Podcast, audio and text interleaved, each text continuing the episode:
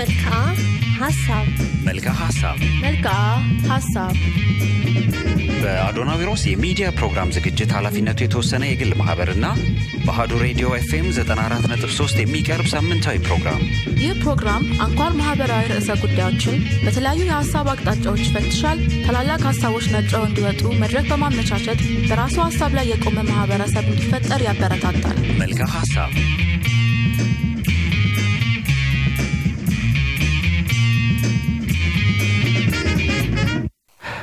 ሰላም እንደምን አመሻችሁ እንደምን ሰነበታችሁ ክቡራትና ክቡራን ቤተሰቦቻችን በአህዱ ኤፍኤም 94.3 ላይ በአዲስ አበባና በዙሪያዋ በአህዱ ፌስቡክ live streaming ላይ ደግሞ በቀጥታ በመላው ዓለም የምትከታተሉን የመልክዓ ሀሳብ ቤተሰቦች በሙሉ ምሽቱ የላቁ የሀሳብ እይታዎችን የምትመለከቱበት እንዲሆን እየተመኘን የመልክዓ ሀሳብ አዘጋጆች እዚህ ስቱዲዮ ለቀጥታ ስርጭት ተገናኝተናል።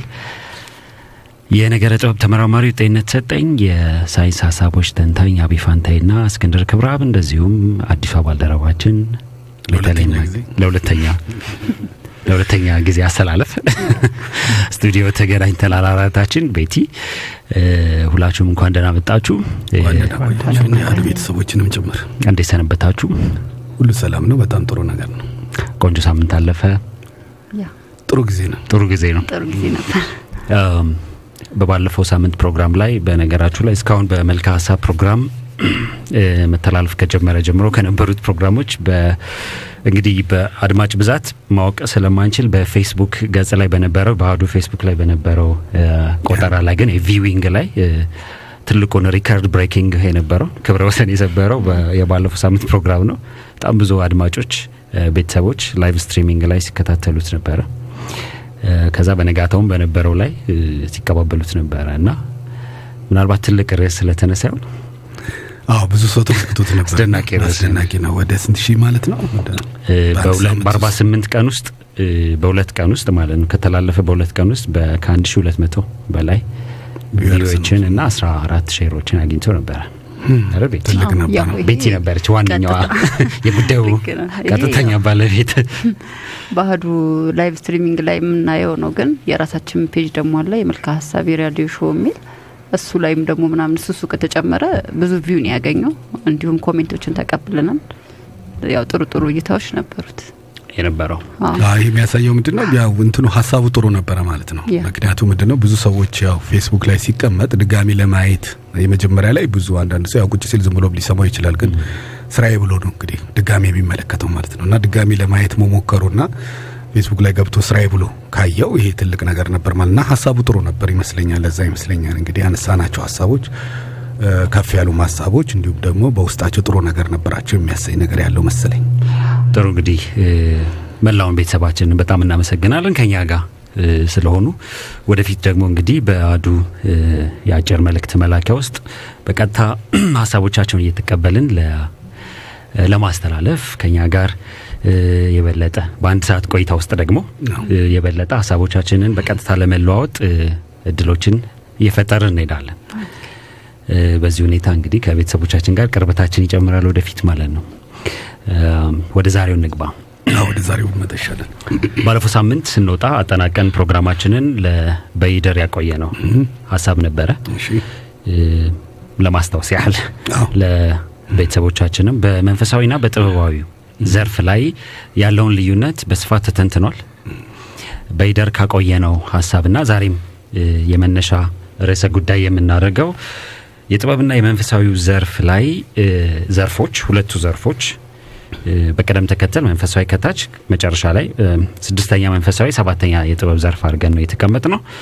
በሁለቱ ዘርፎች ወይም ሁለቱ ዘርፎች በሰው ልጅ ሕይወት ላይ በሚያመጡት ውጤት ወይም የመገለጥ ደረጃቸው ምን እንደሆነ ወይም በምን እንደሚለያይ በይደር እናቆየው ብለን ነበር። ምክንያቱም ሁለቱም ማንኛውም ሰው አንድ ችግር ሲገጥመው ወደ መንፈሳዊ ዘርፍ ሄዶ እርዳታ ሊጠይቅ ይችላል፣ ወደ ጥበብ ዘርፍ ሄዶ እርዳታ ሊጠይቅ ይችላል እና በሁለቱ መካከል አንድ ሰው የሚያመጣው ለውጥ በምን ይለያያል በሚለው ነው የዛሬውን ፕሮግራማችንን የምንጀምረው።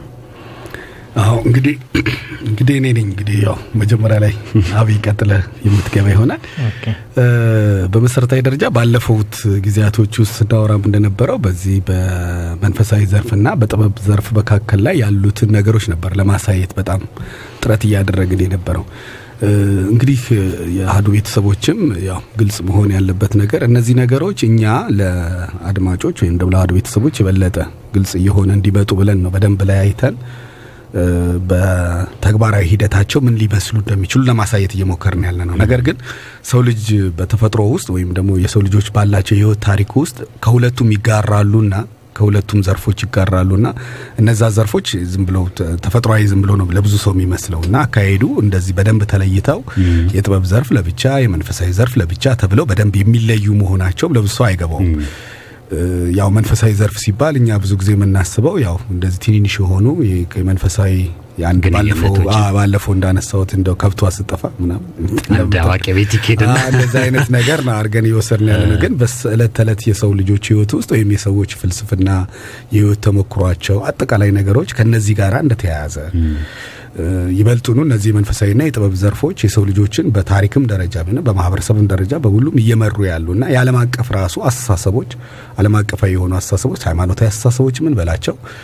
መንግስታዊም አስተሳሰቦች እንበላቸው ርዕዮተ ዓለሞቹ እንበላቸው ወይም ደግሞ ማህበረሰባዊ ማንኛውም ሰው የሚያደርጋቸው ዕለት ተዕለት ህይወቶቹ ውስጥ አጠቃላይ ህይወቶች ውስጥ በእነዚህ ውስጥ እንደሚቃኝ እና ያንን በማየት ይሄ የመንፈሳዊ ሀሳብ ነው፣ ይሄ ደግሞ የጥበብ ሀሳብ ነው ብሎ መለየት እንደሚቻል ነው እየተነጋገርንበት የነበረው። እና ያው ባለፈው ካነሳናቸው ርዕሰ ጉዳዮች ውስጥ አንደኛው ምንድነው? የመንፈሳዊ ዘርፍና በጥበብ ዘርፍ መካከል አንዱ መሰረታዊ ትልቅ ልዩነት ሆኖ የታየው በመንፈሳዊ ዘርፍ በኩል ላይ የምናገኘው እንትን ችግሮቻችን እለት ተዕለት ሊፈታልን እንደሚችል የሆነ ችግር ሲገጥመን ያንን ችግሮቻችን እንደሚፈታ የዕለት ችግሮቻችንን ለመፍታት እንደሚያገለግል ሰው ቢራብ የሚበላውን እንደ መስጠት እ፣ የሚለብሰው ቢያጣ የሚለብሰውን እንደ መስጠት አይነት ነገር ሲሆን ነገር ግን የጥበብ ዘርፍ ደግሞ አዲስ የማድረግ አይነት ነገር እንዳለው ባለፈው ሳምንታት ውስጥ ስናወራ ይህ እንግዲህ ትልቅ መሰረታዊ ጉዳይ ሆኖ ለብዙዎቹም እንደ አካሄድ ይጠቀሙበታል። ይህን አካ- አካሄድ ሆኖ ብዙዎቹ ይገለገሉበታል ማለት ነው። ዛሬ ላይ ልናነሳ የፈለግነው ነገር መንፈሳዊ ዘርፍ እና ይሄ የጥበብ ዘርፉ የሚሰጡንን ነገሮች ነው። እንግዲህ አሁን በሁለተኛ ደረጃ ላይ ሲመጣ መንፈሳዊ ዘርፍ ላይ የምንመለከተው ነገር አንድ ሰው ላይ ክስተቱስ እንዴት ነው? ለውጡስ እንዴት ነው የሚመጣው? ይላው ላይ ሲፈጠር መንፈሳዊ ዘርፍ ሲሰጥና የጥበብ ዘርፉ ሲሰጥ ሂደቶቹ እንዴት ናቸው የሚሆኑት ነው። ለምሳሌ በመንፈሳዊ ዘርፍ በኩል ላይ ያሉ ሂደቶች ምንድን ነው? ለምሳሌ አንድ ሰው እ፣ የሆኑ ችግር ገጠመው እንበል እንግዲህ ባለፈው ይቅርታ እና ባለፈው እንትኑ እንዳልነው ባለፈው ኩበትና እንጨት የቸገራት ሴት ብለን እንዳነሳ ነው ኩበትና እንጨት ቸግሯታል። ስለዚህ የዛን ኩበትና እንጨት የቸገራትን ይቀርፍላታል ብለን ብንል ኩበትና እንጨት ታገኛለች። ስለዚህ ከችግሯ ከድህነቷ መውጣት ትጀምራለች። እንደገና ቀጥሎ ሰው ነችና ነገ ከነገ ወዲያ ደግሞ ሌላ ችግር ይገጥማታል። ሌላ ችግር ሲገጥማት እንደገና ለዛ የሚሆን ነገር ታደርጋለች። እንደዚህ እያለ የሰው ልጅ በህይወቱ ውስጥ ሲኖር በሚኖርበት አካሄዶች ውስጥ በሰዎች ሲኖር ችግሮች ሁለት እለት በእለት ይገጥሙታልና በነዛ ችግሮች ውስጥ ያሉትን ነገሮች መንፈሳዊ ዘርፍ በእያንዳንዱ ጉዳይ ላይ ከሱ ጋራ የማስተሳሰር ጉዳይ ይጠይቃል ማለት ነው። አንድ እሱ ነው። ሁለተኛው ምንድን ነው? እለት በእለት የመትጋት ነገርም ይጠይቃል። ራሱ የእንጨቱና የኩበቱ ጉዳይም አንድ ጊዜ ሰጥቶ በዛው በቃ በቃ የሚባል አይደለም። እንደገና ደሞሱ ሲያልቅ ደግሞ ደጋሚ መጠየቅ ይጠይቃል። እዛው እንጨትና ኩበት ላይ ስለሆነ ያለችው ድጋሜ ሲያልቅባት እንደገና ደግሞ ደግሞ መጠየቅ ይጠይቃል። እንደገና እሱ ሲያልቅ ደግሞ ደግሞ መጠየቅ ይጠይቃል። ምንድን ነው የተያዘ ነው ጊዜ ማለት ነው። አንድ ሰው በሆነ በመንፈሳዊ ዘርፍ ላይ ያገኘውን ነገር ልክ ሲያልቅበት እንደገና ድጋሜ እንደገና እዛ ጋ ይጠይቃል። እንደገና ድጋሜ ይጠይቃል። የጥበብ ዘርፍ ግን እንደዛ አይደለም። የጥበብ ዘርፍ እንዳልኩት አዲስ ሰው የማድረግ ነገር ስለሆነ ልክ እንደ ችግኝ የመትከል ነገር ነው የሚታይበት። አንድ ችግኝ ተክላል ራሱ ያ ችግኝ እየሰፋ ያ ሰው ይለወጣል ብያለው። ለምሳሌ ከኩበት ከእንጨት ወጥቶ ሆቴል ሊከፍት ይችላል። ከሆቴል ቀጥሎ ከፍ ብሎ ሄዶ ትልልቅ ድርጅቶች ሊኖሩት ይችላል። company ሊኖረው ይችላል ምናምን እያለ ወደ ላይ ነው ዝም ብሎ የሚቀጥለው እና ያ እንትን ያ ወይም ደግሞ እንደ ጸጋ ነገር በለው በቃ ያ እየበዛለት የበረከት ጸጋው እየበዛለት እየበዛለት እሱም ሳያስበው ምንም ሳይል ወደ ትልቅ ከፍታ ይወጣል ማለት ነው። እንዲህ አይነት አካሄዶችን የጥበብ ዘርፍ ይከተላል። ስለዚህ አሁን አንድ በጥበብ ዘርፍ ላይ ለመጣ ሰው እንዴ ትላንት እዚህ ጋር አልነበረም እንዴ? ትላንት ዛሬ እዚህ የደረሰው በምን እንዴት እንዴት ሆኖ ነው ትላለ ገብተዋል? ሂደቱ በአንድ ጊዜ ከዚህኛው ዘርፍ ወደ ሆነ ዘርፍ እየጨመረ እየጨመረ እየጨመረ በዛው የሚቀጥል ሲሆን በመንፈሳዊ ዘርፍ ላይ ግን ያለህን ነገር እዛው አንዱ ሲጎድል እዛው ነው ማለት ነው። ያው እሱ ሲያልቅ እንደገና ድጋሜ ሲያልቅ እንደዛ እያለ የመሄድ ሂደቶችን ይከተላሉ ማለት ነው። ይህንን የሚመስላል ለመነሻ እንደ እንደ መድኃኒት አዋቂው ሰውዬ ታሪክ ማለት ነው። የመድኃኒት አዋቂ ጥሩ ሀሳብ እንደውም አመጣ። አሁን እቺ የዚህ የጥበብ ዘርፍ ላይ አሁን ለምሳሌ እሱን እንደውም ጥሩ የሚሆነው ሰውየው አይኑን ታሞ ይላል እና ሁለቱም ሄዱ እሱ ቤት እና ሰውየው አይኑን አሞታል እና ቤቱ እ፣ መንፈሳዊውም የጥበብም ሄዱ ልክ እዛች አሁን ኩበት ጋር እንደሄዱት እንደምንለው ማለት ሄዱ ሁለቱም እና ከዛ ላይ ልክ ሲወጡ ከቤት ሰውየው ልጅ ሰውየው አይኑን ስላመመው እንደው አይኔን ታመሜ ምናምን ይላል። ለመንፈሳዊ ነው የሚለው እና ለመንፈሳዊ እንደው አይኑን ታመሜ ሲል እዛ ግቢ ውስጥ ዞር ብሎ ሲያይ ግቢ ውስጥ የዳመከሴ ቅጠል አለች እና አይቷታል። የመንፈሳዊ ማለት አይቷታል። ከዛ በቃ ልጅህን ላክና በኋላ ላይ መድኃኒት እኔ ጋ አይጠፋም ሰጥሃለሁ ይለዋል። ከዛ እሺ እንደው እንደው መድኃኒት ካወቅማ ምናምን ይለዋል። ከዛ ወደ ቤቱ ይሄድና በኋላ ልጁን ይልካል። ሲልክ ያችኑ እሱ ግቢም አለች ዳማ ከሲዋ ሌላ አዲስ አይደለም ያረጋት። እሷን ይጨምቅና በሆነች እቃ ምናምን ያደረግና ሌላ ነገር ቀልቀል ቀልቀል አድርጎ እንዳትታወቅም አድርጎ ምናምን ይልክለታል። ከዛ ሲቀባ አይኑን ተሻለው።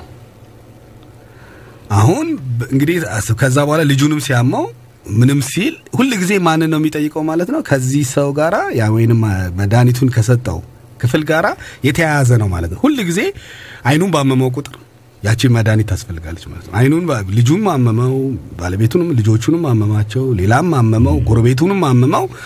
የችን መድኃኒት የሚያውቀው ይሄ ሰው ብቻ ስለሆነ ወደ እሱ ዘንድ ነው የሚላከው ማለት ነው። ይላካል፣ ይሄዳል፣ ከዛ ይሰጡታል ምናምን ነገር። ይሄ እንግዲህ አንደኛው አቅጣጫ ነው። በዚህ ውስጥ የሚመጣ ሌላ ጣጣ አለ። እንደገና ምንድን ነው ያቺ የመድኃኒት ጉዳይ ስላለች ያንን መድኃኒት የሚሰጠውን ሰው አንዳንድ ጊዜ መብት ነገር እንኳን ቢመጣ ይሄ ነጻነት የማጣት ነገር ይታይበታል እና መብትህን ለማስከበር እንኳን አንዳንዴ ደፈር ብለ ያንን መድኃኒት የሰጠን ሰው ባክዝ የራስ ጉዳይ አትልም። አይን ትጠፋለች። ነገ መታመም አለ፣ ነገ አይን መጥፋት አለ። ስለዚህ ለዛ ስለሆነ ለዛች አይን ህመም ሲል ይገዛለታል። ጥገኛ የሆነ እለት በእለት እዛው ሱርስሩ ነው የሚሄደው ማለት ነው። በቃ የትም መንቀሳቀሻ ሄደው ማለት ነው። ይሄ መንፈሳዊ ዘርፍ ነው፣ ግን ያሽለዋል። ልክ ነው፣ ግን እለት በእለት ግን ከእሱ ጋር ያለው ግንኙነት እንትኑን አይነግረውም ማለት መስመሩን አይነግረውም ማለት ነው። የጥበብ ዘርፍ ላይ ግን ሲመጣ ጥበበኛው ሰው ደግሞ ቤቱ ገብቶ ከዛ አይኔን አመመኝ ምናምን ይላል። ከዛ ወደ እጅ ላይ ሲወጡ ግቢ ውስጥ ዳማከሴ እንዴ ይኸውልህ ይቺ እኮ ቅጠል እኮ ዳማከሴ ቅጠል ነች። ጥሽት አርግና አይንህን ቀባት ትድናለህ እኮ ምን ችግር አለው? ይሄ እኮ መድኃኒት ነው ይለዋል። ከዛ ሰውየው የሚያነሳና እሽት አርጎ ሲጠርገው አይኑ ዳነ። ልጁንም ሲያመው ያችን ዳማከሴ ያሻል። ከዛኛው ከነገረው ጋር ምንም እንትን የለውም። የበለጠ እንደውም ምንድነው እያደረገው የሚመጣ? በሱ ውስጥ የዛ የዳማከሴዋን እንዴት መገልገል እንዳለበት እንዲህ ከደረቁን ከማረቅ ጨምቆ በእቃ ቤቱ አስቀምጦ እሷን በምን ነገር በጥጥ ይሁን ጠዋት መታጠብ ይሁን ምናምን እሱ ራሱ ያሳድገዋል። ያሳድገዋል። ራሱ ያበለጽገዋል ሀሳቡን? ራሱ ያበለጽገዋል። ገባ እያበለጸገው እያበለጸገው በኋላ የአይንህም በሽታ አዋቂ ተብሎ ሁሉ ይባል ግን ሰጪውን አስብ። በሁለቱም እንግዲህ የሰጡት መንፈሳዊም ነው የጥበብ ዘርፍም ነው። ተመልከተ አሰጣጣቸው ላይ ስታይ የጥበብ ዘርፍ ሲሰጥህ ልክ እንደዚህ አይነት የማይቀማህን ነገር ይሰጥሃል። የመንፈሳዊ ዘርፍ ግን ይሰጥሃል፣ ግን በተዘዋዋሪ መንገድ ግን ምንጩን ነው? ምንጩን ይይዝብሃል። ምንጩን ይይዝብህና እንትኑን ይሰጥሃል። ስለዚህ በዙር በዛ ውስጥ ነው የምትገባው። ይሄ ቀላል ሀሳብ ሊመስለን ይችላል። ምናልባት አሁን በዓለም አቀፍ ደረጃ ላይ ባሉ በትልልቅ መንግስታትም እንበል ሃይማኖታዊ እሳቤዎችም እንበል እነዚህ እሳቤዎች አሉ፣ ከኋላ በኩል እነዚህ አስተሳሰቦች አሉ። መሰረታዊ የሆነው ነገር ለሚፈለገው ሰው ያለ መስጠትና በረጅም ርቀት ያንን ለመያዝ ለምሳሌ በጎ አድራጎት ሲደረግ ወይም ገንዘብ ሲሰጡ ሀገራት ለአንድ ሀገር ይህንን አካሄድ ይከተላሉ። ከሁለት አንዱ መርጣሉ ማለት ነው። አንደኛው ቀጥታ ራሳቸውን ችለው በራሳቸው ነፃ እንዲወጡ የማድረግ ስራ አንድ ጉዳይ ሲሆን፣ ሁለተኛው ግን በአጃዙርም ቢሆን ያችን ነገር ለመፈለግ ሲሉ እንዲገቡ የማድረግ ነገር ይካሄዳል ማለት ነው። እና እነዚህ አሁን እኛ ስናወራቸው ትንንሽ ሀሳቦች ሊመስሉ ይችላሉ፣ ግን በጥበብ ዘርፍና የመንፈሳዊ አሁን ዓለም በብዛት የምትመራው በመንፈሳዊ ሀሳቦች ስለሆነ መንፈሳዊ አስተሳሰብ ስለሆነ በብዛት የሚታየው አሁን ሁለተኛው ነው ጎልቶ የሚታየው። በብዙ እኛ ኢትዮጵያ ውስጥ ሀገራችን ውስጥም የምንመለከተው በርካታ ነገሮች ከሌሎች ሀገራት ጋር ያለን ግንኙነት፣ እርስ በርሳችንም ያለን ትስስር አንድ ሰው አንድ ሰው ለመርዳት ሲፈልግ ራሱ ሙሉ ለሙሉ ነፃ ያወጣዋል ወይንስ በጥገኝነት ስር ነው ነፃ? የሚያወጣው? በተዘዋዋሪ ነው ወይም ያወጣዋል። መጠቀሚያ የማድረግ ነገር አለ አይደለ? ችግሩን ይፈታለታል የሱን ግን በሱ ችግር እሱ እንደገና ተጠቃሚ መሆን ገዳደ እንደዛ አይነት አካሄዶች የመከተል እነኚህ ግልጽ ያለ ነገር ያሳያሉ። እያንዳንዱ ውስጥ ገብተህ በደንብ ከዘረዘርክ የትኛውን እየተከተሉት ያሉት? የትኛውን አካሄድ ነው? የመንፈሳዊውን አካሄድ እየተከተሉት ወይንስ የጥበብ ዘርፉን ነው አካሄድ እየተከተሉ ያሉት የሚለው በደንብ ይታወቃል። የአንድን ሀገር ፍልስፍና፣ የአንድን ሃይማኖት ፍልስፍና፣ የአንድን በጎ ማድረግ በጎ አድራጎትን ፍልስፍና ወይም ደግሞ አንድን ሰው ከሌላው ጋር ያለውን ግንኙነት ፍልስፍና ምን አይነት አካሄድ ነው እየተከተለ ያለው የሚለው በእነዚህ አይነት መንገድ መለየት ይችላል ማለት እና የጥበብ ዘርፍ በጣም ብዙ ጊዜ እጅግ ትልቅ ነው የሚባለውም ለዛ ነው። የማይቀማህን ነገር ይሰጥሃል። መንፈሳዊ ዘርፍ ግን ይሰጥሃል ግን ዋናውን ግን አይሰጥህም። ዋናው የሱ ይሆንና ሁለተኛውን ዘርፍ ነው የሚሰጥህ ማለት ነው። በውስጡ እንደማየው የጥገኝነትና የነጻነት ጥያቄዎች ውስጥ መሀል በጣም ትልቅ ፍትጌ ያለ ማለት ነው። ነጻነትን ከፈለግ ወደ ጥበብ ነው የምትሄደው። አዎ እንደው ምን እኮ ምንድን ነው እሱ አንዱ መሰረታዊ ነገር የሚባለው እኮ ጥበብ ምንድን ነው የምትሰጥ ሲባል እኮ ነጻነትና ድልን ነው የምትሰጥ ይላል። ወደፊት መጨረሻ አካባቢ ላይ እንመጣበታለን። ይህንን የጥበብን ነገር መጨረሻ ስለምናጠቃለን ብቻዋን ደግሞ ማውራት እንጀምራለን። የእሷን ነገር ብቻውን ስናወራ ጥበብ ምን ትሰጣለች ሲባል የምትሰጥህ እውቀት አይደለም የምትሰጥህ ነገር ሳይሆን ነጻነትንና ድልን ነው የምትሰጥህ። ለምሳሌ አንተ ነጻ እንድትወጣ የማድረግ ለምሳሌ ከዛ በሽታ ነጻ እንድትወጣ ነው የምታደርግ። አይኑን ካመመው ሰው ነጻ እንዲወጣ ነው ያደረገችው። ሁለተኛ በአይን ህመም እንዳይጠቃ እንዳይጎዳ ነጻነቱን እንዲያገኝ። ያ በሽታ እሱ ላይ እንዳይሰለጥንበት እሱን እንዳይይዘው ድህነት ችግር ምናምን አሁን ለምሳሌ ኩበት የምትሸጠዋን የሆቴል ባለቤት ቢያደርጋት ኩበት እንጨት ነጻ ወጣች ማለት ነው። ኩበት ጠፋ አልጠፋ እንጨት ኖረ አልኖረ ብዙ ጉዳዩ አይደለም። እሷ ሌላ ሰው ነች። ስለዚህ በዛ ነገር ላይ በተቸገርክበት ነገር ላይ ነጻ እንድትሆን ይማራል ሲሆን ይሄ ግን የመንፈሳዊ ዘርፍ ግን ነጻነትን አይደለም የሚሰጥህ የሚሰጥህ ምንድን ነው በችግርህን የመፍታት ጉዳይ ብቻ ነው እንጂ ነጻ የምትለዋ ጉዳይ ላይ አጠራጣሪ ጉዳይ ነው ነጻነት የጥበብ ዘርፍ ነው። ነው። አሁን ስታወራ አንድ በጣም ሁሌ የሚያሳዝነኝ ስታቲስቲክስ አለ። ያው ቁጥሩ ተጋኖ ሊሆን ይችላል፣ ማን እንዳጠናውም አይታወቅም። ግን የዓለም ሀብት በሶስት percent ሰዎች እጅ ውስጥ ነው ያለው ይባላል እና ዘጠና ሰባቱ ይላል ዘጠና ሰባት percent ኡ የዓለም ሕዝብ ለሶስቱ percent ነው የሚሰራው ይባላል። በእጅ አዙርም ይሁን በቀጥታም ይሁን እዛም ሀገር ኖረ የትም ሀገር ኖረ ዘጠና ሰባቱ ለሶስት percent ነው የሚሰራው የሚለው ቁጥር በጣም አሳዛኝ ቁጥር ነው ሁሌ እና ምናልባት አሁን ያልካቸው ነገሮች ስሜት የበለጠ የሚሰጡት ለዚህ ሊሆን ይችላል። አዎ አንዱ እኮ ምንድን ነው እሱ አሁን የዓለም መሰረታዊ ጉዳይ በመንፈሳዊ ዘርፍን እየተመራ ያለው የሚለው አካሄድ እኮ የሚያስማማ ሀሳብ ነው። የጥበብ ዘርፍ እንደው ምናልባት አሁን ኢትዮጵያ እንግዲህ በዚህ ዘርፍ ላይ እጅግ እየገነነች መጥታ ባለቤትነቱን ዓለምን ቦታ ብትይዝ የምንለው ጉዳይ ነው። እነቱ ይዛለች ብለንም እኛ የምናስበው ነገር ነው። እንደዛ አይነት አዲስ የአስተሳሰብ ለውጥ አምጥታ ወደ በዚህ የጥበብ ዘርፉን ታመጣዋለች ተብለን የምንጠብቀው ነው እንጂ አሁን ባለው በዓለም አቀፍ ደረጃ ላይ መንፈሳዊ ዘርፍ ነው ያለው እና መንፈሳዊ ዘርፍ ሲኖር ደግሞ መንፈሳዊ ዘርፍ እንዳልኩ ለተወሰኑ ሰዎች ብቻ ነው ዋናው ጉዳይ መታወቅ ያለበት። ለምሳሌ የአይን መድኃኒቱን ማወቅ ያለባቸው የተወሰኑ ሰዎች ብቻ ናቸው። ሌላው ህዝብ ከዚህ አይን መድኃኒት መጠቀም ይችላል፣ ይድናል፣ ይገለገልበታል ግን ነገም እንዲሄድ እንትኑ ግን አያቆም። አሁን በብዙ company ዎች ውስጥ አሁን ለምሳሌ መጠጦችን ምኖችን ብትመለከት main እንትኖቹ አይታወቁም። ቴክኖሎጂዎቹ ምኖችን ብትመለከት ዋናው ቁልፉ ጉዳይ አይታወቅም። በጥቂት ሰዎች ነው የሚያዘው። ሌላው ዝርዝሩ ነው ለአንተ የሚሰጥህ እንድትገለገልበት እንድትጠቀምበት እንደምን እንጂ አንተ መጥተህ ልስራው ብለህ ብትል እንዳ- እንዳሰራው አንተ ልትገለገልበት አትችልም። ያንን እንዳታረግ ሰ መድኃኒቶችም ምኑም ብትመለከት በዚህ መልክ ነው፣ በዛ ውስጥ ነው የምትሄደው። ሁሌ ሲቸግርህ በቃ ከዛ ችግርህ ለመውጣት ስትል ግዴታ እዛው ነው ያለው። ምንም ነፃ የምትወጣበት ነገር የለም። ነፃነትህን አይሰጥህም።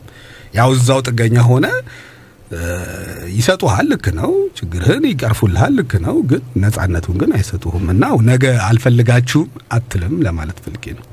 አብዬ እንግዲህ አንተ እኔ ባለፈው ሳምንት የሚያቀረብኩት በእውቀትና በዊዝደም በሚለው መሀል ነው። እንግዲህ እኔ ባሉት ሂደቶች ውስጥ በሳይንስ ውስጥ የሚታወቁት እነዚህ ስለሆኑ እና ቀጥታ ምን ሊሰጡን ይችላሉ ሁለቱ የሚለው ከመሄዴ በፊት ባለፈው ሳምንት ልናገረው ፈልጌ ጊዜ ገደበኝ ሀሳብ ስለነበር ጥሩ ግልጽ አድርጌው ብሄድ ጥሩ ነው።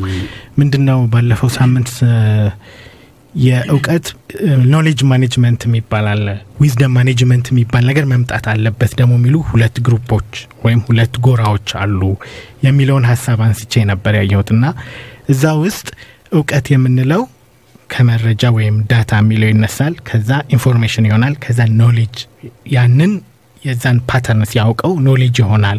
ከዛ ሲያልፍ ንድፈ ሀሳቡን ወይም ጽንሰ ሀሳቡን ሲያውቀው ወደ wisdom ይሄዳል የሚሉ አይነት ሀሳቦችን አንስቼ ነበር። ነገር ግን ይሄን ካስቀመጡ በኋላ ምን ይላሉ?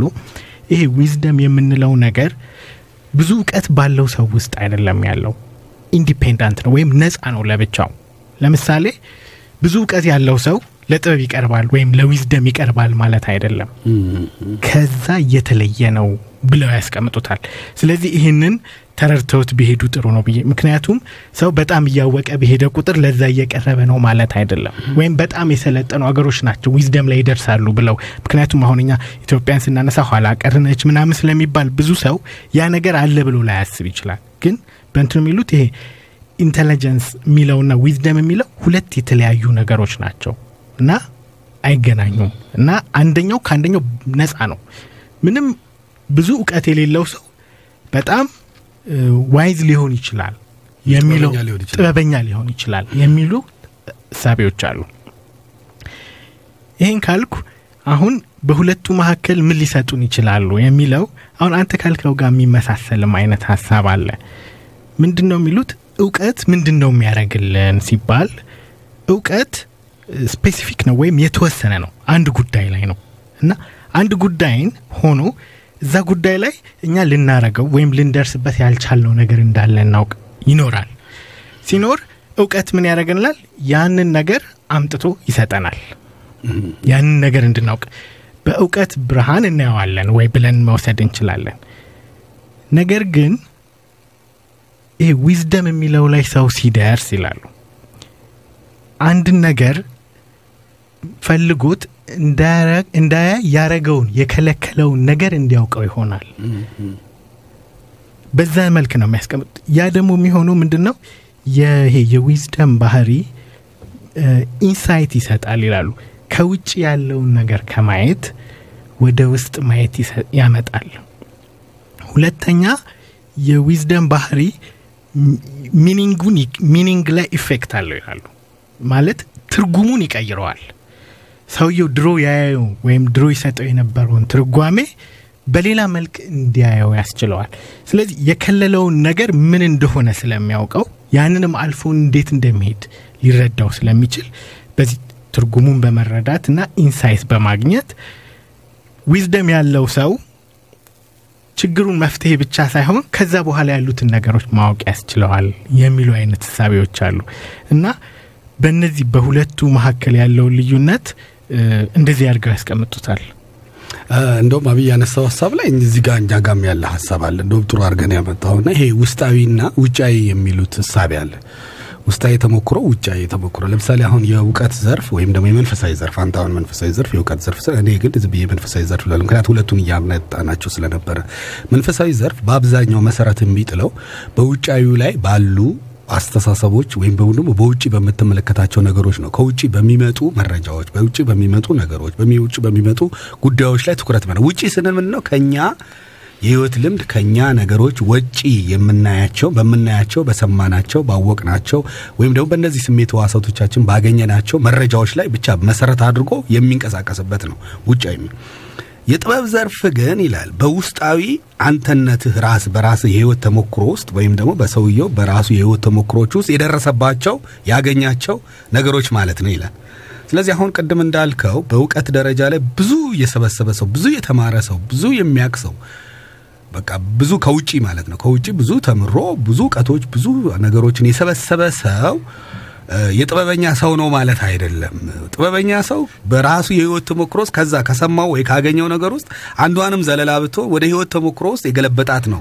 የበለጠ ውጤታማ ነው ተብሎ የሚባለው በህይወት ተሞክሮ ውስጥ የሚያውቃት ማለት ነው። ይሄ ነው የበለጠ ጥበበኛ የሚያደርግ ይላል። ይህን ግልጽ ለማድረግ ሀሳቡን ለምሳሌ እንዴት አድርጌ ላስረዳም ስለ አሁን ለምሳሌ ፊታችን ሻይ ተቀምጧል እንበልና ሻይ ተቀርቶ ተቀምጧል እና አንድ ሰው አንድ ሰው አይኑን ጨፈነ እንበልና ሁላ እዛ ቁጭ ያለ ሰው አይኑን ጨፍነው ከዛ እኔ ነግረዋለሁ እዚህ ፊታችን ሻይ ተቀርቶ ተቀምጧል። ሲቀዳም ሰምቶት ይሆናል። ድምፁ ችግር የለውም። እጁንም ዳሶ ሻዩን ዳክቶትም ሊሆን ይችላል። እሱ ችግር የለውም። ግን እና ሻይ ተቀርቷል አጠገብ ጋ እና አሁን ምናምናም ብለን እንለዋል እና በዚህ መረጃ ላይ ተነስቶ እዚህ ጠረጴዛ ላይ ሻይ አለ እና ሻይ ተቀምጧል ምናምን ብሎ ሊነግረኝ ይችላል። እውነት ነው ልክ ነው። ስህተት አይደለም አደለ ሻዩ አለ።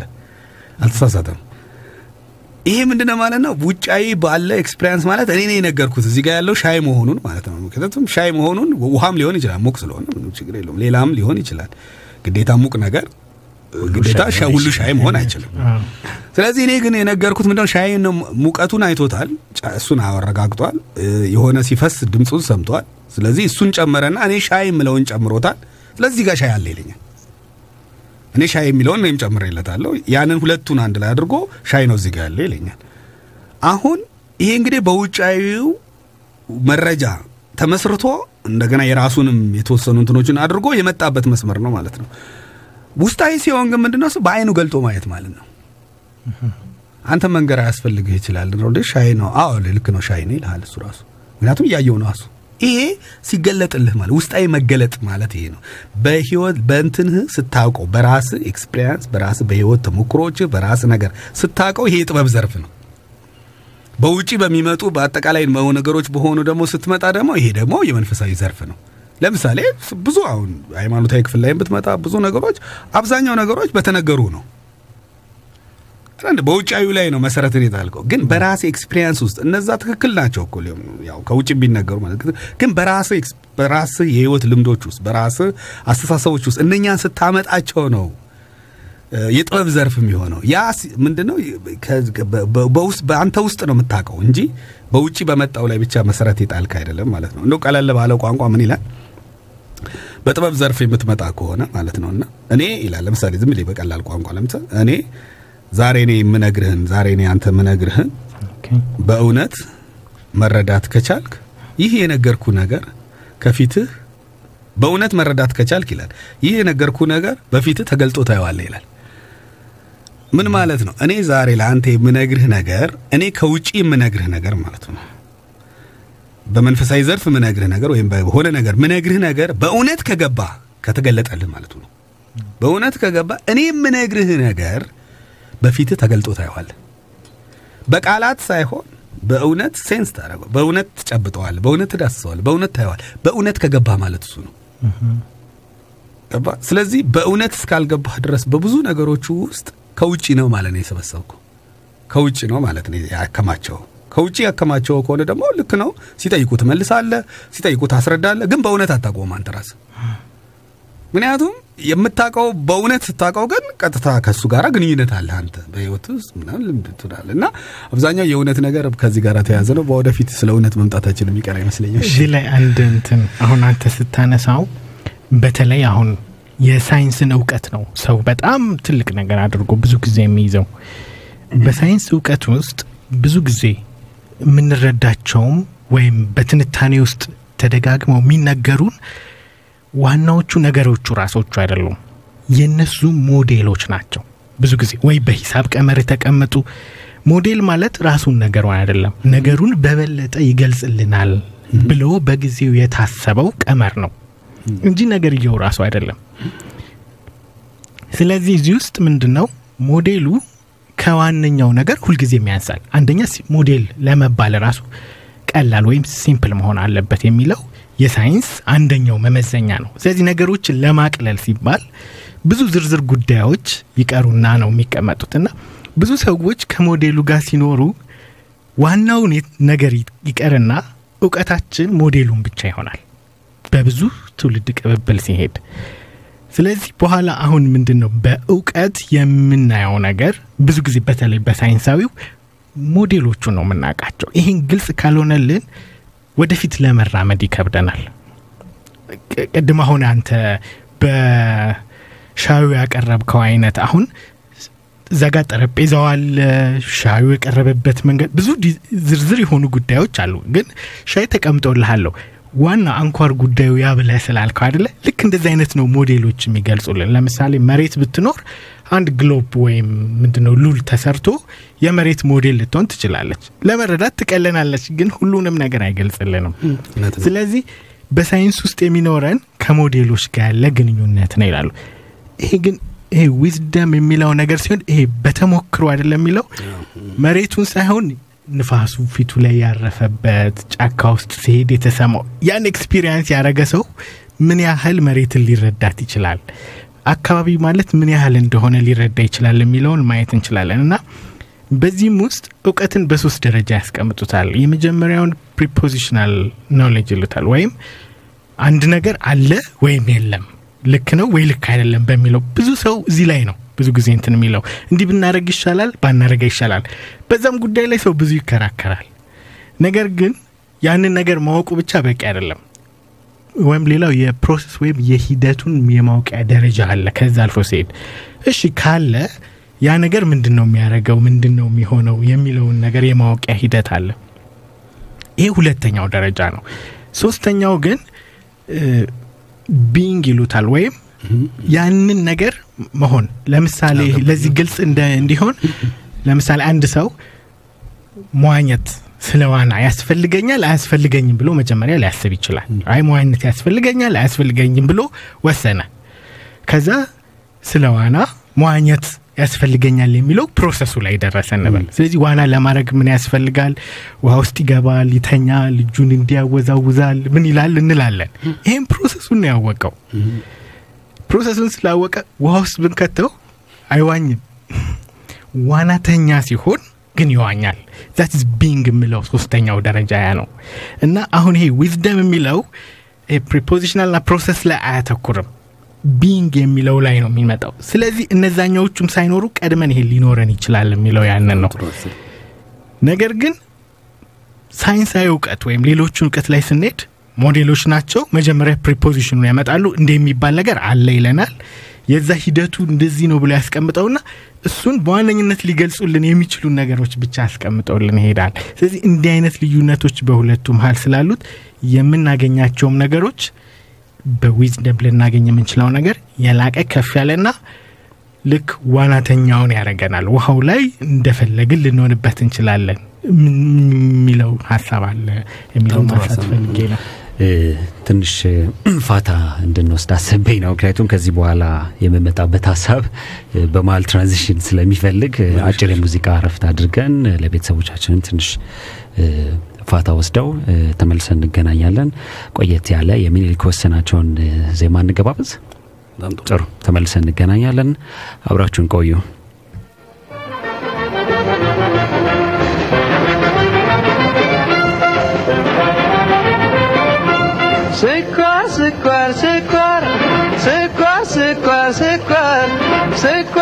ነሽ ጣፋጭ በፍቅርሽ መዓዛ ሰላም ደስታን የምትሰጪ።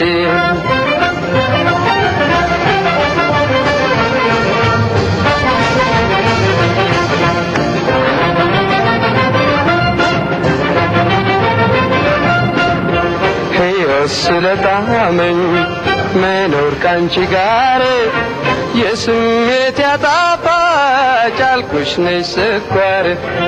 በፍቅር ጎዳና የሕይወት መዓዛ እስከ መጨረሻው ካንቺ ጋር እንግዛ። የስሜቴ ስኳር ስኳር ስኳር ስኳር ስኳር ስኳር ስኳር ስኳር ነሽ ጣፋጭ። በፍቅርሽ መዓዛ ሰላም ደስታን የምትሰጪ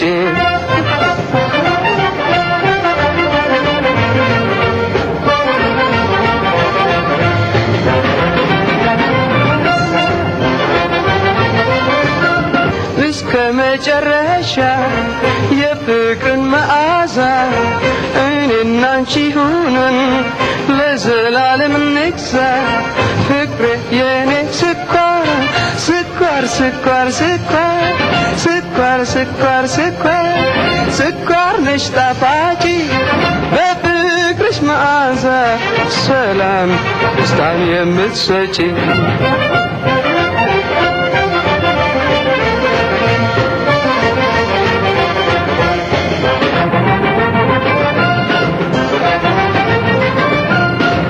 ጣፋጭ ነገር ሁሉ ቶሎ ይሰለቻል። ያንቺ ትዝታ ለዘል ያመምቻል እስከ መጨረሻው በፍቅር መዓዛ እኔና አንቺ ሆነን በፍቅር እንግዛ።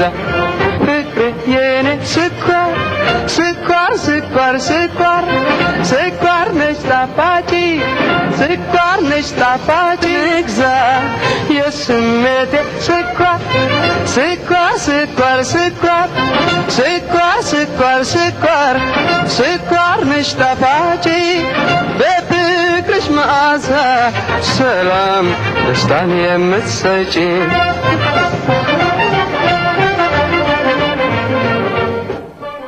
ተመልሰን ተገናኝተናል። ውድ ቤተሰቦቻችን ያላችሁት በአህዶ ኤፍኤም 94.3 ላይ ነው። ፕሮግራሙ ደግሞ ዘወትር ማክሰኞ ምሽት በሶስት ሰዓት እስከ አራት ሰዓት ድረስ የሚቀርበው የመልካ ሀሳብ ፕሮግራም ነው። እሺ ወደ መጨረሻው ርዕሰ ጉዳያችን እንሂድ። እንግዲህ የሰው ልጅ ማህበራዊ ህይወቱ በጠቅላላ ሲታይ በተለያየ አይነት ቀለማት፣ በተለያየ አይነት አሳሰብ፣ በተለያየ አይነት ባህል፣ ዘር እያልክ በነጠላና በአንድ እያልክ የሆነ የመነጣጠልም የመገናኘትም ሂደቶች ብዙ ናቸው። እንደውም መንግስት በሰው ልጅ ህይወት ውስጥ ወይም በማህበራዊ ስርዓት ውስጥ ያስፈለገበትም ዋነኛ ምክንያት የተለያዩ ልዩነቶችን ብሔርም ሊሆን ይችላል፣ ዘርን ሊሆን ይችላል፣ ቤተሰብን በአንድ ሀሳብ ውስጥ አቅፎ እንዲቀጥል የማድረግ አንድ የሰው ልጅ የፈጠረው ስርዓት ነው። እና ጥበብም ደግሞ የራሷ የአደረጃጀት ስርዓት አላት። ነገሮችን አንድ ላይ የምታመጣበት ማለት ነው። ይህ ሀሳብ ይሄ አንድ የማድረግና የመነጣጠል ሀሳብ የሰው ልጅ በተለያዩ ታሪኮች ውስጥ ሲያነታርከውም ሲያገዳድለውም ቆይቷል። እና አገራትም እንዲፈጠሩ አገራትም እንዲበተኑ ምክንያት የሚሆነውም ከጀርባ ያለው ይሄ እንዴት አንድ እንሁን እንዴት እንለያያል ምናምን የሚሉ ሀሳቦች ናቸውና አሁን በጥበብ እይታ የተለያዩ አካላትን ወይም ፓርትስን በማዋሃድ ሂደት ውስጥ ያለው ሁኔታ እና በሌላ በኩል ደግሞ በሙሉ ደግሞ ጨፍልቆ አንድ የማድረግም ወይም የአንድ ወጥነት ሀሳሰብ አለ እና በነገረ ጥበብ እይታ እነዚህ ውህደቶች ውህደቶች የሚታዩት እንዴት ነው? አሁን ያው ከጠቅላላው ከዩኒቨርሳሉ ሀሳብ አጥብበን በሰው ልጅ ማህበራዊ ህይወት ላይ ጠበብ አድርገን እንየው። ምክንያቱም ወቅታዊ ጉዳዮቻችንም እዛ አካባቢ ስለሚያጠነጥኑ አዎ ምክንያቱም ምንድነው እሱ ማንኛውንም ነገር በሰው ልጆች ህይወት ውስጥ የምናገኛቸውን አጠቃላይ ነገሮች የሰው ልጆች ውስጥ ብቻ አይደለም ነገሩ ከፍጥረታትም ነገሮች ውስጥ አጠቃላይ የፍጥረታትን ነገር ስንመለከት ቅድም እንዳነሳሁት ከዚህ ከመንፈሳዊና ከጥበብ ዘርፍ አይዘሉም። አብዛኛው ነገሮች እዛ አካባቢ ላይ ነው የሚሽከረከሩት። ወይ በመንፈሳዊ ነው የሚመሩት ወይም ደግሞ በጥበባዊ ዘርፍ ነው እየተመሩ የሚገኙት።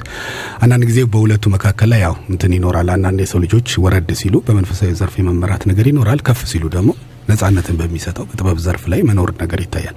አሁን ባለው ዓለም አቀፍ ሂደት ላይ የሚያሳየውን ቅድም እንዳልኩት መንፈሳዊ ዘርፍ ስለሆነ በአብዛኛው ያለው ይሄ እንግዲህ ምሉ ውህደት ይለዋል እሳቤው እና ምሉ ውህደት ማለት እንግዲህ እንዳልከው አንተም የሰው ልጅ በሰው ልጅ ላይ ያለውን እንመልከት። በፍጥረታትም አለ ግን ሀሳብ ማጥበብ ስላስፈለገን ነው። እናጥብቦ ብለን እና የሰው ልጅ ስትመለከተው የተለያየ አስተሳሰብ፣ የተለያየ አመለካከት፣ የተለያየ ባህሪያት እንደዚሁም ደግሞ የተለያየ የአኗኗሪ ባህል የዘርም የባህልም የደም ትስስርም እንደገና ይሄ የሀገርም ጉዳይ ምናምን እንደዚህ የምትመለከትበት ነው እና እንዴት ነው ይሄ እነዚህን ነገሮች ወደ አንድነት ለምሳሌ ዓለምን የዓለምን ሕዝብ በአንድ አይነት አካሄድ ለማስኬድ ብትፈልግ ለምሳሌ የተወሰነ ሀገራትንም ወይም የአንድን ሀገር ሕዝብም በአንድነት ለማኖር ብትፈልግ እነዚህ ነገሮች እንዴት ነው ልታደርግባቸው የሚለው የሚለው ለሁለቱም ለመንፈሳዊያንም በጥበቡም ዘርፍ ለራሳቸው አላቸው የራሳቸው አሉ። መጀመሪያ የመንፈሳዊን ዘርፍ ላውራልና የመንፈሳዊ ዘርፍ ላይ ያለው ነገር ምንድን ነው?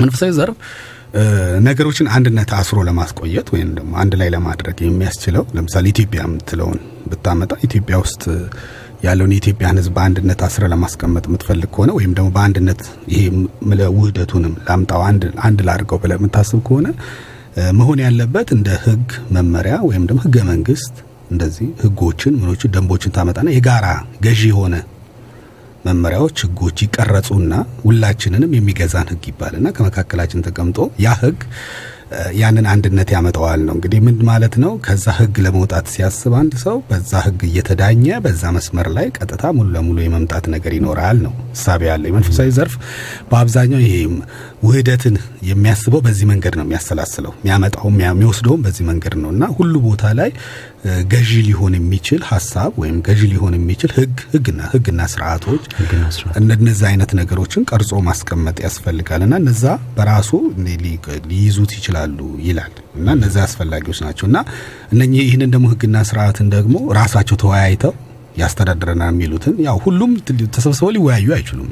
ጥያቄ ያለው ነገር አይደለም።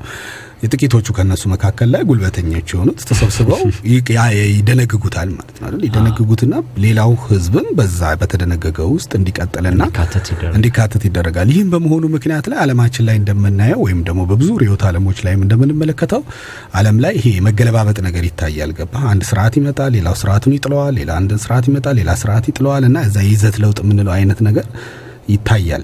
ምንድነው? የሆነ መንግስት ይመጣል እንደገና የሆነ ይጥለዋል። እንደዛ ምክንያቱም ምንድነው? ያንን ያለ የመቃወም ነገር አለ ያለ እነሱ ማሰሪያ ተብሎ የተቀመጠ የተጎዳው ይላል።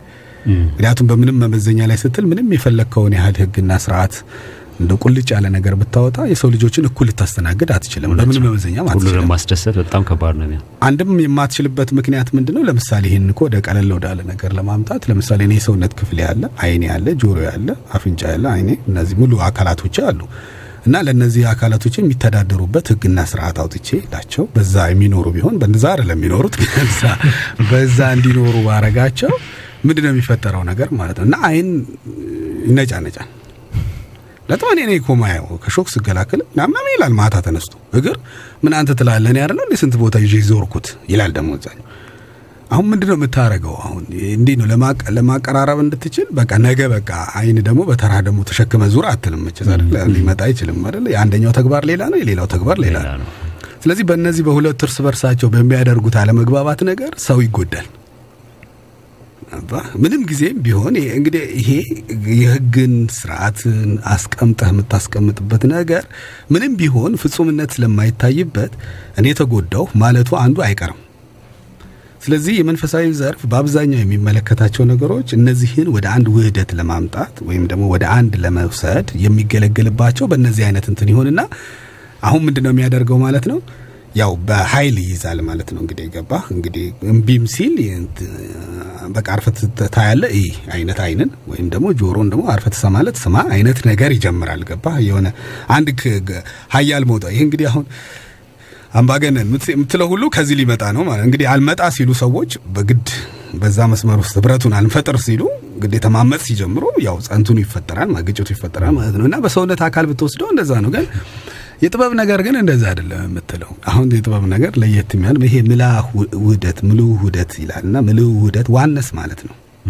oneness እንግሊዝኛው oneness ነው የሚለው። እና ምሉ ውህደት ማለት ነው። ምሉ ውህደት የሚመጣው ይላል በራሱ ነው ሙሉ ውህደት የሚመጣው እንጂ አንተ በማሰባሰብ ወይም ደግሞ በጋራ ከኋላ በኩል እንደ ህግ እና ስርዓት ምናምን ስላስቀመጥክ አይደለም ይላል። ለምሳሌ ሙሉ አካልህን ብትመለከተው አይን፣ አፍንጫ፣ ጆሮ ምናምን ተሰባስበው አይደለም ሰው የሚለውን የፈጠሩት። ምሉ ውህደት ነው ያለው። ምሉ ውህደት ሲሆን አይን ባይኖር እንኳን ሰው መሆኑን አይተው የሚያስ ሰው ነው ተብሎ የሚቆጠረው። ጆሮ ባይኖር ከላዩ ላይ ሰውየው ያው ሰው ነው የሚባለው። የነዚህ ጥርቅሞች ሙሉ ለሙሉ መምጣት አለበት የሚል ሳይሆን ይሄ ሰው የሚለው እሳቤ በሙሉ ነው የሚያየው። ሙሉ ነው ይላል። ልክ እንደ አንድ አካል ነው ልክ እንደ አይን ሰውን ሙሉ ያየዋል። ለምሳሌ አይንንም እኮ ብትወስዶ ይልሃል። ውስጡ እኮ ብትገባ በዝርዝር የተለያዩ አካላቶች አሉት ውስጡ እኮ ግን እንደ አንድ አይን ብለህ ነው አንተ የምትጠራው እና በኋላ እንደው ተከራከሩ እንጂ እነሱ አይን ከእግር ጋር ተከራከረ እንጂ ራሱ አይንም እኮ በራሱ ሊከራከር ብዙ ብዙ አለ ግን በርስ። ስለሆነ አይከራከርም። አሁን እንደምታይ የሰው ልጅ አይከራከርም። በሰውነት አካሉ እርስ በርስ ይከራከር አታየው። እያንዳንዱ የተሰጠውን ተግባር ዝም ብሎ ይሰራል። ይሄ ምልው ውህደት ይላል። ይህ ምልው ውህደት በጣም አስፈላጊ ነው ይላል እና ይሄ አሁን አንድ አካል በመሆናቸው አንድ አንድ የሰውነት አካል አንድ አንድ ክፍል በመሆናቸው ሊሆን ይችላል እነዚህ የመጡት።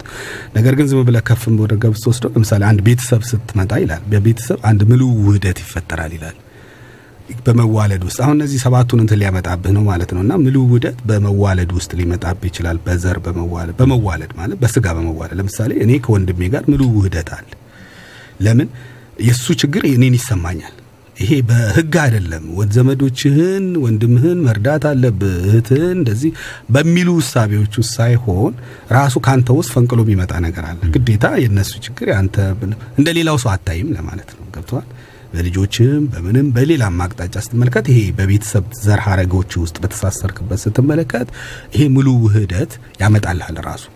ያንን ሙሉ ውህደት ማን ያመጣው ስትለው በስጋ የመዋለድህ ወይም በዘር እንትን የማድረግህ ነው ቤተሰቡን የመሰረተልህ። ይሄ ህግና ስርዓት ወጥቶ አይደለም፣ ወይም መተዳደሪያ ደንብ አውጥተን አይደለም። የኛ ቤተሰብ መተዳደሪያ ደንብ አውጥቶ ከዚህ ደንብ ውስጥ የሚያልፍ እየተባለ እየተደበደበ በዛ ዘርፍ ውስጥ እንዲገባ አይደለም። ያ ሙሉ ውህደት ራሱ የመጣ ነው ያለ ነው እና እነኚህ ሰባቱ አምዶች የሚላቸው እነዛ ነው። ሙሉ ውህደትን ማምጣት የሚችሉ ማለት ነው። oneness ይፈጥራሉ ይላል። ዋንነስ መፍጠር የሚችሉ ናቸው። በጣም መሰረታዊ ናቸው ይላል። በእንደዚህ አይነት ነው ጥበብ የምትገነባው እንትኑን ይሄ አንድነትን ሙሉ ውህደትን የምታመጣው በዚህ አካሄድ ነው የምትሄድበት እና ቀጥለ ደግሞ ማህበረሰብ ባህልን መሰረት ያደርጋል። ተመሳሳይ ባህል ያለው ህብረተሰብ ሙሉ ውህደት ያመጣል ይላል። ባህሉ ነው መሰረት ያደረገው የራሱ ቋንቋ፣ በራሱ እምነት፣ ወግ፣ ስርዓት፣ ልማድ፣ ህግ ምናምን ይኖረዋል። እምነት እነዚህን ነገሮች ሁሉ በውስጡ አካቶ የያዘው ክፍል ገባ። በዚህ ውስጥ ሙሉ ውህደትን ታመጣል። ያ ባህሉ ነው። ባህሉ ውስጥ ተሰብስበው መተዳደሪያ ደንብ አውጥተው ሳይሆን ባህላቸው ነው። በቃ የሚኖሩበት ነው። አኗኗር ዘይቤያቸው ማለት ነው። የዕለት ተዕለት ህይወታቸው የዕለት ተዕለት አኗኗራቸው የተቀረጸው በዛ ውስጥ ስለሆነ እርስ በርሳቸው ይግባባሉ። ይሄ ሙሉ ውህደት ታይባቸዋል። አንዱ ስትነካው አንዱ ይጮኋል። አንዱ ስትነካው አንዱ እንትን ይላል። አንዱ ሲጎዳ አንዱ ይደርሳል። አንዱ ሲያገኝ ለሌላው ይሰጣል። እንደዚህ አይነት ታገኝ ሙሉ ውህደት ልክ እንደ አንድ አካል ታያለህ። ያህል ሌላው ይሄ ሙሉ ውህደት ይፈጠራል ተብሎ የሚባለው ይሄ ርስት ሀገር ለምሳሌ ሀገራት እንደዚህ ድንበር ሰርተ ለምሳሌ ኢትዮጵያ ስትል አሁን ሙሉ ውህደት ይታያል። ኢትዮጵያውያኖች እንዲሆኑ ኢትዮጵያ እንደዚህ ሆኑ ስትል ይሄ ሙሉ ውህደትን ይመጣል ያመጣል። ለምሳሌ ኢትዮጵያ ከሌሎች ሀገራት ከምናምን ስትል በቃ ኢትዮጵያዊነት የሚለው ሳቤ ሙሉ ውህደትን የማምጣት እንደውም ኢትዮጵያዊነት በኋላ ላይም እንደውም ከነሳልኝ አለቅም ግን ሙሉ ውህደትን የመፍጠር እንትኑ በጣም ትልቅ ተብሎ የሚባልበት ነው። ርስት ሀገርን መሰረት አድርጎ ነው። ሃይማኖት እንደገና ሙሉ ውህደትን ያመጣል ይላል። ለምሳሌ ተመሳሳይ ሃይማኖት ያላቸው ሰዎች ሲረዳዱ ታያለ። ተሾላልከውም ቢሆን እርስ በርስ ይጠቃቀማሉ። አንደኛው አየት አድርጎ በእሱ ሃይማኖት ስር ላለ ነው ቶሎ የሆነ ነገር ማድረግ መስል ለምንድነው ይሄ ሙሉ ውህደቱ አለ እንጂ ህግ አድርገው ለወንድም ይሄንን አድርግ ተብሏል ስለተባለ አይደለም። ህጉ ስለያዛቸው ምናምን አይደለም። ሙሉ ውህደት እንደዚህ ቀጥሎ የመንፈሳዊ ቀጥሎ ደግሞ የጥበብ ዘርፍ ላይ ያለው የማዕከለሰብ ወይም በጥበብ ደግሞ ተመሳሳይነት የሚታይባቸው ሰዎች ሙሉ ውህደትን ያመጣል። ዋናው ግን ይህ ሙሉ ውህደት የምንለው ይህ ዋነስ የሚባለው እሳቤ አንድን ነገር እንደ አንድ የሚያደርግ ነው። ምክንያቱም እንደዚህ የተበታተነን ማህበረሰብ የተበታተነን ነገር አንድ ወደ ማድረግ ያመጣል። ባለፈው እንዳልነው አንደኛው በአንደኛው ላይ አንደኛው በአንደኛው ላይ እየተሻገረ ነው የሚመጣው። ባለፈው እንደ ግለሰቡ በቤተሰቡ ውስጥ ይታሰራል፣ ቤተሰቡ በማህበረሰቡ ውስጥ፣ ማህበረሰቡ በሀገር፣ ሀገር በሃይማኖት፣ ሃይማኖቱ በመንፈሳዊ ዘር፣ መንፈሳዊ ዘር በጥበብ ዘርፍ ይታሰራል። ስለዚህ እርስ በርሱ እየተሸጋገረ ዓለምን ይሞላል። የሰው ልጅ በእንደዚህ አይነት መስመር ውስጥ በጥበብ ውስጥ የታሰረ ነው። ስለዚህ ጥበብ በሰባት አምዶች ሙሉነት ሙሉ ውህደትን ወይም ደግሞ ዋነስ የምንለውን ታመጣለች እና በጣም የሚገርም የጥበብ ዘርፍ ነው። ሰፊም ሀሳብ አለበት። በእርግጥ ትንታኔው ሰፊ ነው፣ ግን ከመንፈሳዊ ዘርፍ ለየት ያለ አቀራረብ አላት። መንፈሳዊ ዘርፍ ግን በራሱ የሚያይበት እይታ ለየት እንዳልኩ ህግጋትን፣ ደንቦችን፣ መመሪያዎችን ያስቀምጣል እና ከዛ ውልፊት የሚል ሰው ካለ እሱን በማስመታት ያወጣል። ያ ደግሞ ሲሆን ደግሞ ፈቅደህ አይደለም። ይሄኛው ግን የዚህኛው ግን ተፈጥሯዊ ነው። በጣም የሚገርመው እና ፈቅደህ ነው። አንተ አሁን ከቤተሰብ ጋር ፈቅደህ ነው የምታደርገው። ማንም ተገደህ የሚከለክል- አይደለም። ለምሳሌ ሀገሬም ስትል ፈቅደህ ነው። ኢትዮጵያ ሁን ስለተባልክ አይደለም። በግድ አይደለም። ኢትዮጵያ ይሁን አትሁን ስለተባልክ አይደለም። ካልሆንክ ወዮልህ ስለተባልክ ሳይሆን በቃ ራስህ አንተ ራስህ ከውስጥ የሚፈነቅልህ ነገር አለ። ያ ነው ሙሉ ነጻየ ይሄ የጥበብ ዘርፍ እንደዚህ አይነት ውህደትን ያመጣልና እኛ ጋም እንግዲህ ኢትዮጵያም አሁን በምትገኝበት ሂደት ላይ እኛ ጋር ባለ ፍልስፍና ወይም አስተሳሰብ ትኖች ውስጥ ኢትዮጵያ ልትከተል ከሚገባ ትልቁ መሰረታዊ ይሄ ሙሉ ውህደት የሚባለውን ሙሉ ውህደት የሚለውን እሳቤ ኢትዮጵያ እንዴት ትዋሃድ ነበር የሚቀጥለው ጥያቄ። ሙሉ ውህደትን ለማምጣት በጣም መሰረታዊ ነው። ይህንን አስተሳሰብ ብትከተል ኢትዮጵያ በጣም በተሻለ ደረጃ ላይ ዓለምንም ለመምራት የሚያስችላት ጥበብ ነው። ማለት ብዙ መምጣት የሚያስችላት እውቀት ነው። አንደኛ ምንድን ነው ጥቅሙ ምንድን ነው? ይሄ ሙሉ ውህደት የሚባለው ሀሳቤ ከታች ያለውን አያጠፋም። አሁን ለምሳሌ ሕግና ስርዓት የመንፈሳዊ ዘርፍ ችግሮቹ ምንድን ነው? ከሆነ ዘርፍ ስትመጣ የሆነውን ዘርፍ እንድትሰርዝ ያዛሃል። ይሄኛው አያሰርዝም። ለምሳሌ አሁን አንድ ሃይማኖት ለምሳሌ የሆነ ክፍል ላይ ከአንዱ ከፍ ብለህ ስትመጣለት ያኛውን ቀድሞ ከኋላ የነበረህን ነገር እንድትተው በቃ ከዚህ በኋላ በቅቷል፣ አሁን ወደዚህ ገብታል። ምክንያቱም በዚህኛው ነው የምትተዳደረው። ስለዚህ ቀድሞ ከበታች በኩል ያሉትን የምትኖርባቸውን የኖር ግንትኖች ያጠፋል እና በሱ ብቻ እንድትመጣለት የመፈለግ ምክንያቱም ወደ ታች ከመጣህ እንደገና ሌላ እንትን ልት- ልትፈጥርበት እንደምትችል ስለሚያቅ ሌላ ላይ እና ልታምጽበትም እንደምትችል ስለሚያቅ ያንን የመከልከል ነገር ይታይበታል። ይሄኛው ግን ሙሉ ውህደት የሚልህ ነገር ግን እንደዛ ነገሮች አይልም እና በአንድ የቀድሞ የነበረ አንተነትህን ለምሳሌ አንቴነትህን፣ ቤተሰብህን፣ ማህበረሰብህን፣ ብሔርን እንደማለት ነው፣ ሀገርህን፣ ሃይማኖትህን፣ መንፈሳዊ ዘርፍህን አይነካብህም። እነኚህን ነገሮች ሳይነካ እንዴት ውህደት ማምጣት ትችላለህ የሚለውን ነው የሚያመጣው እና ይሄ ደግሞ ለዓለም ህብረተሰብም በፈለግከው አስተሳሰብ ውስጥ ብትሆን የምሉ ውህደትን የማምጣት እድልህ በጣም ክፍት ነው እንደሚያሳይ ክፍት ነው። ምንም የሚከለክል የለም። ለምሳሌ በቀለል ቋንቋ ምናልባት ይሄ ትንሽ እንትን እንዲረቅ ቀለልን ለማድረግ እንዲያስብ ለምሳሌ ሃይማኖታዊ ክፍል እንግባና ሃይማኖታዊ ክፍል ሙሉ ውህደትን ከሚያመጡት ክፍሎች አንዱ ነው። ለምሳሌ ሃይማኖታዊ ክፍል ላይ ስትመጣ የተለያየ ብሔር ያላቸው ሰዎች ለምሳሌ ጥምቀት በዓል ላይ ሲሰባሰቡ ታያቸዋል። ኦሮሞ፣ አማራው፣ ትግሬው ሁሉም በቃ ደቡቡ ምንም ከተለያየ ቦታ ተሰብስቦ አብረው እየጨፈሩ ይሄ ሙሉ ውህደት አምጥቷል። አየኸው ሃይማኖት እምነቱ እምነቱ አየህ ሃይማኖቱ በዛ ውስጥ ሙሉ ውህደት ሲፈጥር ታየዋለህ። እና በየባህላቸው ነው እንደ ራሳቸው ባህል እንደ ራሳቸው እንትን እንጂ አይ በቃ ከዚህ በኋላ ክርስቲያንህና ኦሮሞነትህን ተው፣ ክርስቲያንህና አማራነትህን ተው፣ ክርስቲያንህና ትግሬነትህን ተው ምናምን የሚል ህሳቤ የለበትም ውስጡ።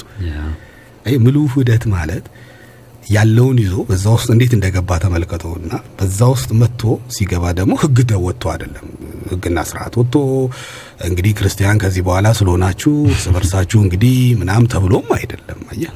አየህ? ይሄ ሙሉ ውህደት የሚለው ህሳቤ እንደዚህ አይነት ነገሮች ናቸው ያሉትና እስከምትፈልገው ድረስ ልትሄድበት ትችላለህና የሰው ልጅንም ኢትዮጵያ ዓለምንም ብርሃን ልትሆን ትችላለች። የሰው ልጆች ሁሉ ወደዚች ሀገር ወደ ኢትዮጵያ ይሰባሰባሉ ሲል በእንደዚህ አይነት ፍልስፍና ወይም በእንደዚህ አይነት አስተሳሰብ ፍልስፍና ሳይሆን በእንደዚህ አይነት ጥበብ ጥበብ ፍልስፍና ትንሽ ዝቅ ስለሚል ለመንፈሳዊ ስለሆነ ለመንፈሳዊ ስለሆነ ጥበብ ፍልስፍና እኛ በእንደዚህ አይነት ጥበብ ነው ኢትዮጵያ በተሻለ ደረጃ የሰው ልጆችን ባሉበት በራሳቸው እምነት፣ በራሳቸው ሃይማኖት፣ በራሳቸው መንፈሳዊ ክፍል፣ በራሳቸው ነገር ግን ይህንን ምሉዕነትን ያመጡት ይችላሉ የሚል ጠንካራ የጥበብ ዘርፍ የሚያስተምርበት ክፍል ነው ማለት ነው። ይሄ ነገር በስዕል ይገለጽ ከተባለ የኢትዮጵያ የሀገር ባህል ልብሶች ላይ ያለው ጥለት አይነት ነው የሚሆነው ማለት ነው። አንዱ diamond በሌላው diamond ውስጥ እየተካተተ ያኛውን ሳያጠፋው? ለዛም ነው ጥበብ የሚባል ጥበብ የተባለው ለዚህ እሺ፣ ሰዓታችን አልቋል። አብይ የማጠቃለል ምለው ነበረኝ ግን ጊዜ ስለሌለ ነው ጊዜ በሀሳብ ላይ እየሰለጠነ ነው የሚባለው። አየህ፣ ጥሩ እንግዲህ ቤተሰቦቻችን እስካሁን አብረናችሁ የቆየ ነው። ጤንነት ሰጠኝ፣ አቢ ፋንታዬ፣ እስክንድር ክብራብና ቤተልሔም ማገዘው ከቴክኒሻናችን ጋር በመሆን እስካሁን አብረናችሁ ቆይተናል። ሳምንት እስክንገናኝ እንግዲህ በዚሁ ይህንኑ ሀሳብ ይዘን የበለጠ እናብራረዋለን። እስከ ሳምንት ግን በፌስቡክ ገጽ ላይ በተለይ በሾው በራሱ በመልካ ሀሳብ ሬዲዮ ሾው የፌስቡክ ገጽ በአማርኛም የመልካ ሀሳብ የሬዲዮ ፕሮግራም የሚለው ላይ ገብታችሁ ሀሳባችሁን፣ ጥያቄዎቻችሁን ልታጋሩን ትችላላችሁ። ሳምንት እስክንገናኝ ድረስ መልካም ሳምንት ይሆንላችሁ። ጤና ይስጥልኝ።